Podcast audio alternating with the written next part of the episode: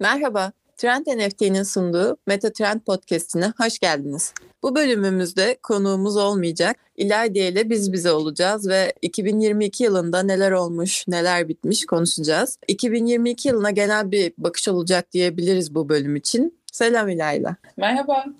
Ee, kendimizce bir 2022 recap yapacağız diyebiliriz sanırım. Bu bölümü de kaydetme fikrini konuşurken aklıma bir dizi gelmişti. Ondan da küçük bir bahsetmek istiyorum giriş yapmak adına. Amazon Prime'da Yearly Departed diye bir dizi var. Ee, yılın cenaze töreni diye çevrilmişti yanlış hatırlamıyorsam. Ee, dizide de şöyleydi. Her sene bir bölüm yayınlanıyor ve gelen konuklar da o yılda olan şeyleri, o yılın hype'larını ya da devam edecek olsa bile o yılda kalmasını istedikleri şeylerden bahsediyorlar. Biz de bir nevi onu yapacağız. 2022'de neler olmuş, neler bitmiş. O yılda neler kalmasını istiyoruz. Sanırım e, bu yılda kalmasını istediğimiz şeylerin başına ayı sezonunu yazabiliriz. Merkez borsası iflaslarını da, rak pulları da. Liste sanırım biraz uzun. o yüzden biz haberlere geçelim. Ya da haberlere geçmeden önce küçük bir e, spoiler verelim 2023 adına. 2023'ün ilk çeyreğinde Trend NFT önce mainnet'e geçip daha sonra da lansmanını yaparak herkese açık bir hale gelecek. Haberdar olmak için de lütfen sosyal medya hesaplarımızı takip etmeyi unutmayın. O zaman haberlere geçiyoruz. O zaman ilk olarak 2022'deki gelişmelerden, olaylardan Ethereum'un e, merge'ini gösterebiliriz. Merge ile birlikte yani birleşme ile birlikte Ethereum'un gaz tüketimi düştü ve daha çevreci bir hale geldi. Kullanıcılar için aynı zamanda verimli bir gelişim daha diyebileceğimiz Avalanche Bridge'i söyleyebiliriz bence. Basit bir şekilde açıklayacak olursam da e, söz konusu köprü Bitcoin sahiplerine yine Bitcoin varlıklarını Avalanche blok zincirine aktarma imkanı tanıyabilecek artık. Kesinlikle ve Avalanche tarafında sanırım daha fazla gelişmelerin de e, olacağı bir yıl olacak 2020. Çünkü bu yönde haberler var. Bekleyip göreceğiz artık. Bir başka olaya bakacak olursak da Solana'nın kan kaybedişinden bahsedebiliriz.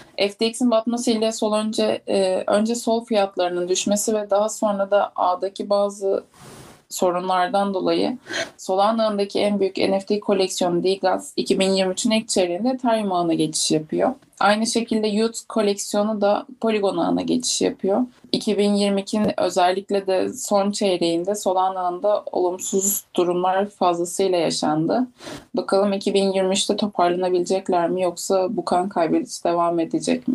Evet. Genel olarak NFT'ler evreni için olumlu bir yıldı diyebiliriz ama bence. Bu yıl gerçekten çünkü inanılmaz koleksiyonlar çıkış yaptı. Başarı elde edenler de oldu. Elbette başarısızlıklar da oldu ama e, şimdi konumuza, ana konumuza da dönecek olursak biraz da başarılı NFT'lerden bahsedelim mi?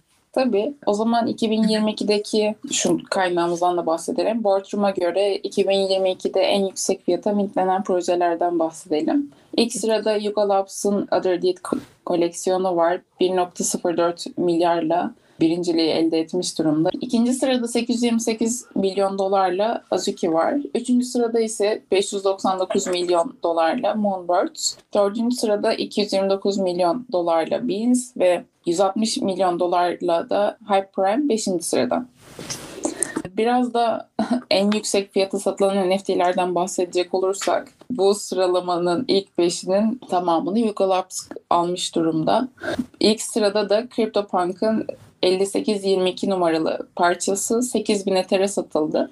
İkinci sırada yine CryptoPunk'ın 5577 numaralı eseri 2501 Ether'e satıldı. Üçüncü sırada ise Mutant Ape'in bir eseri 2300 Ether'e satıldı. Yine dördüncü sırada CryptoPunk'ı görüyoruz. CryptoPunk'ın 7756 numaralı eseri 1050 Ether'e satılmış durumda. Ve beşinci sırada da Other Deal'in bir eseri 625 Ether'e satıldı. Yani bu verilere bakacak olursak büyük bir Yugalab hakimiyeti Hakim. var diyebiliriz. Sen de istersen en çok hacmi olan koleksiyonlardan bahset bize biraz.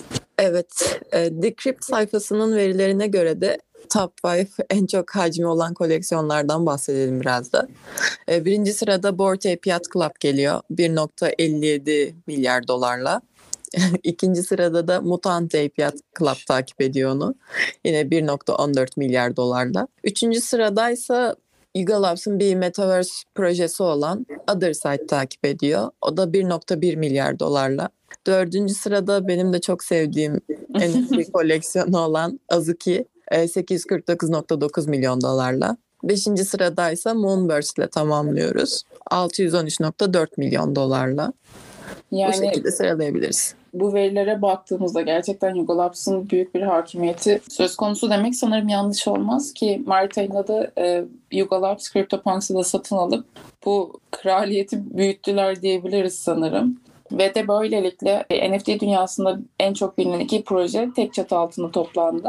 Evet hatta yatırım kısmından da bahsedecek olursam 4 milyar dolar değerleme ile tam 450 milyon dolar yatırım almışlar. O zaman buradan bir de senin sevdiğin proje olan Azuki'nin bir haberini de söyleyelim. Evet. Azuki'nin kurucusunun da katkısıyla tabii ki birlikte e, Formula 1 arabalarını NFT'ler ile süsleyerek resmen tarihte bir ilke imza atmış oldular.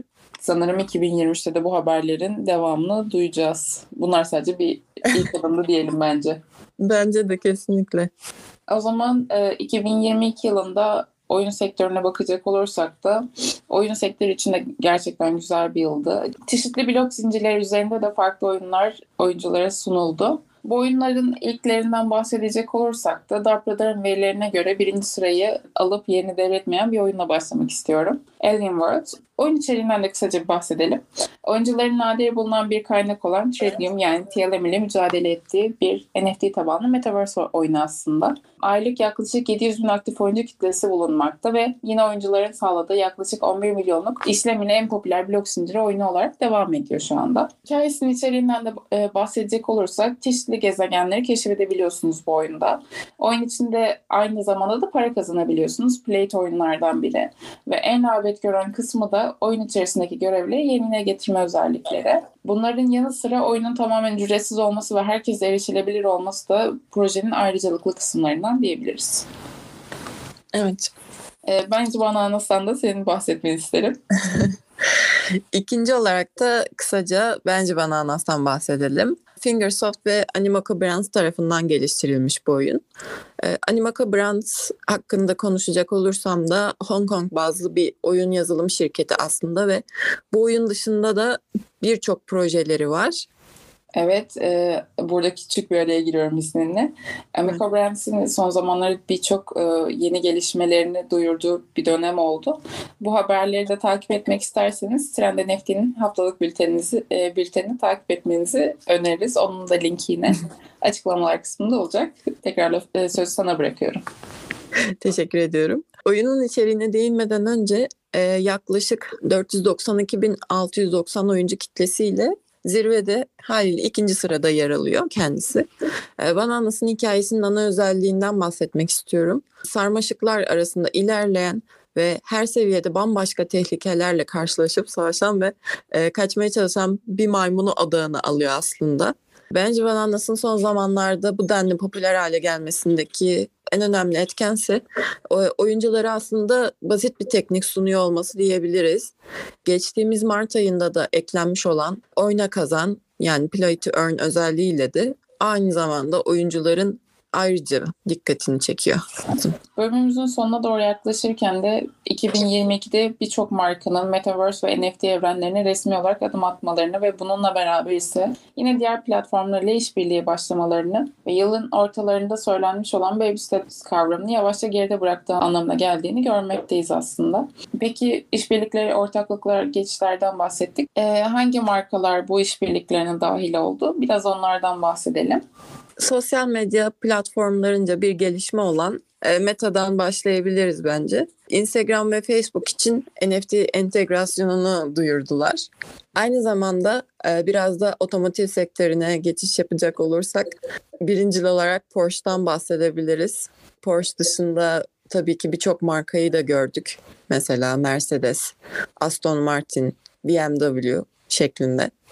Ve gün geçtikçe, ilerledikçe her hafta neredeyse bu haberlerin yenilendiğini görmekteyiz. Bu haftaki haber gibi mesela Rolls-Royce. Ee, bunların yanı dışında e, birçok markanın da aslında bu evrene geçiş yaptığını ve artık zaman ilerledikçe sürekli görüyor olmamız beni artık çok mutlu ediyor bilmiyorum. Artık şaşırmıyorum böyle haberleri gördükçe.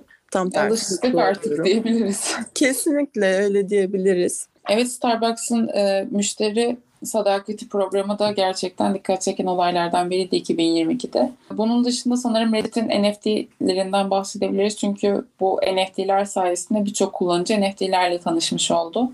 Yani bu liste bayağı uzun aslında. Bunları tek tek bahsetmemiz mümkün değil bu bölümde. Özel sektörden biraz da e, devlet tarafına geçecek olursak da birçok ülke aslında kripto paraları ve blok zinciri e, tanımaya başladı diyebileceğimiz bir yıldı. Yani bir başlangıçtı kesinlikle ve haberlere bakılacak olursa da görünen o ki 2023'te bu haberlerin devamını görmeye devam edeceğiz. Kripto paraları resmi olarak kabul eden ülkeler oldu.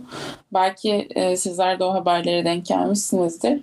Ee, örneğin Investopedia'nın haberine göre ise Brezilya kripto para birimlerini bir ödeme aracı olarak yasallaştırdı. Bir de Hindistanlı sanırım Merkez Bankası dijital para birimini farklı şehirlerde test etmeye başlamış. Ee, bunlar gerçekten olağanüstü gelişmeler ve genel olarak da İlayda'nın da dediği gibi zaman ilerledikçe Amerika ve İngiltere'de başta olmak üzere birçok ülke artık kripto paraları e, tanıyor aslında. Tanıyor dememin nedeni ise birçok işlem dönüyor ülkelerce ve buna örnek olarak da NFT Now'un bir yazısında paylaştığı gibi Amerika'nın Aralık ayında resmi olarak siyasi kampanyalarda ve bağış toplama törenlerinde artık NFT'leri kullanıma izin vermesi, e, sigorta borsalarının da onlara destek olacağı kayıtlara geçmiş. Bu şekilde de özetleyebiliriz durumu aslında. Ülkelerin bu şekilde resmi kararlar alması ve rutine uygulaması gerçekten ümit verici bir olay. 2022'deki bir diğer e, ses getiren olaydan da bahsetmek istiyoruz bu bölümde. O da royalty savaşları. Öncelikle royalty yani telif hakkı nedir biraz ondan bahsedelim. Telif hakkını aslında hepimiz biliyoruz ama NFT'lerde telif hakkı bir tık daha farklı. O da şöyle ki NFT'lerde bu telif hakkının farkı benim her satışta telif hakkı alabiliyor olmam. Örneğin normalde ben bir sanat eseri yapıp sattığımda daha sonraki satışlardan ben bir gelir elde edemem. Hatta e, onun yeni sahibinin kim olduğunu da bilemem ama NFT'lerde bu mümkün ve bu telif hakkının ne kadar olacağını da ben kendim karar verebiliyorum akıllı kontratlar aracılığıyla. Ve bu royalty e, konusu da pazar yerleri ve NFT yaratıcıları başta olmak üzere bu alanla ilgilenen herkese alakadar eden bir konuydu aslında. Çünkü her bir NFT alış satışımızda bu bizi de ilgilendiren bir durum. Ve de bu tartışmaların sonuna geldiğimizi söyleyemeyiz açıkçası. Çünkü NFT'ler olduğu sürece bu tartışma devam edecek gibi. Ama OpenSea başta olmak üzere birçok pazar yeri royalty'nin gerekli olduğu düşüncesini benimsedi. Ve şundan da bahsetmek isterim ki biz Trend NFT olarak e, da böyle düşünüyoruz ve akıllı kontratlarımız da buna göre yazıldı. Sitemizden bir NFT mint ettiğiniz zaman e, ve bizim akıllı kontratlarımızı kullandığınız zaman istediğiniz oranda telif hakkını yani royalty'yi bu kontrata embed edebilirsiniz. Toparlayacak olursak da 2022 yılı teknoloji açısından olumlu bir yıldı. Blockchain'den Metaverse'e ve Web3'ten NFT'lere hem çok konuşulan hem de birden fazla gelişmenin yaşanmasından kaynaklı e, ses getiren bir yıldı diyebiliriz bence. Bu yılın bu şekilde geçmesi 2023 için beni çok ümitlendiriyor. Sana göre nasıl bir yıldı? E, mesela sence 2023'te neler bekliyor bizi? Ben de inişli çıkışlı bir yıl olduğu konusunda hemfikirim ama totale bakacak olursak bence de daha çok olumlu gelişmelerin yaşandığı bir yıldı. Tabii ki olumsuz olaylar da oldu. Az önce de bahsettiğimiz gibi bazı merkezi borsaların batması gibi. Ki bu geçtiğimiz yılda da olan bir şeydi ve aslında buradaki asıl olayın merkezi olduğunu da bahsetmemiz lazım. Çünkü blok zincir teknolojisi dediğimiz şey merkeziyetsiz bir sistem ve bu merkezi borsaların batışı ne yazık ki blok zinciri de etkiliyor ama bu blok zincirin şanına şöhretine kara leke sürmemesi gereken bir durum değil. Böyle biraz e, melankoli, biraz e, arabeske bağlayacağım. Neyse e, şundan bahsetmek istiyorum özellikle. Bu bölümü biz şu an 30 e, Aralık'ta kaydediyoruz ve son birkaç gündür de NFT'lerin satışlarında büyük bir artış yaşanıyor. E, market cap'inde e, gözle görülür bir artış var. NFT'ler için boğa sezonu geliyor. Belki de geldi. Bilmiyorum. Ben son günlerde böyle olumlu bir gelişmenin yaşanmasıyla birlikte de 2023'e daha olumlu bakıyorum. Yani bahsettiğim gibi 2023 yılının tüm Web3 dünyası için güzel geçeceğini umuyorum. Özellikle de bizim göz bebeğimiz olan NFT için. Yeni yılda önce kendi sitemizi mainnet'e geçirip lansmanını yapacağız. Sonrasında da hız kesmeden road- roadmap'imize göre komitemize en iyi fırsatları sunmak için çalışmaya devam edeceğiz. Bu yeniliklerden de haberdar olmak için bizi takip etmeyi unutmayın. Sosyal medya hesaplarımızın linkleri her zamanki gibi açıklamalar kısmında olacak. Bizi dinlediğiniz için teşekkür edip e, bu yılı kapatabiliriz bence. Bence de. O zaman Ee, mutlu yıllar diyelim. tekrar 2023'te 2023 yılı anısına diye bir bölüm olması dileğiyle. Mutlu Hoşça yıllar. kalın. Hoşçakalın.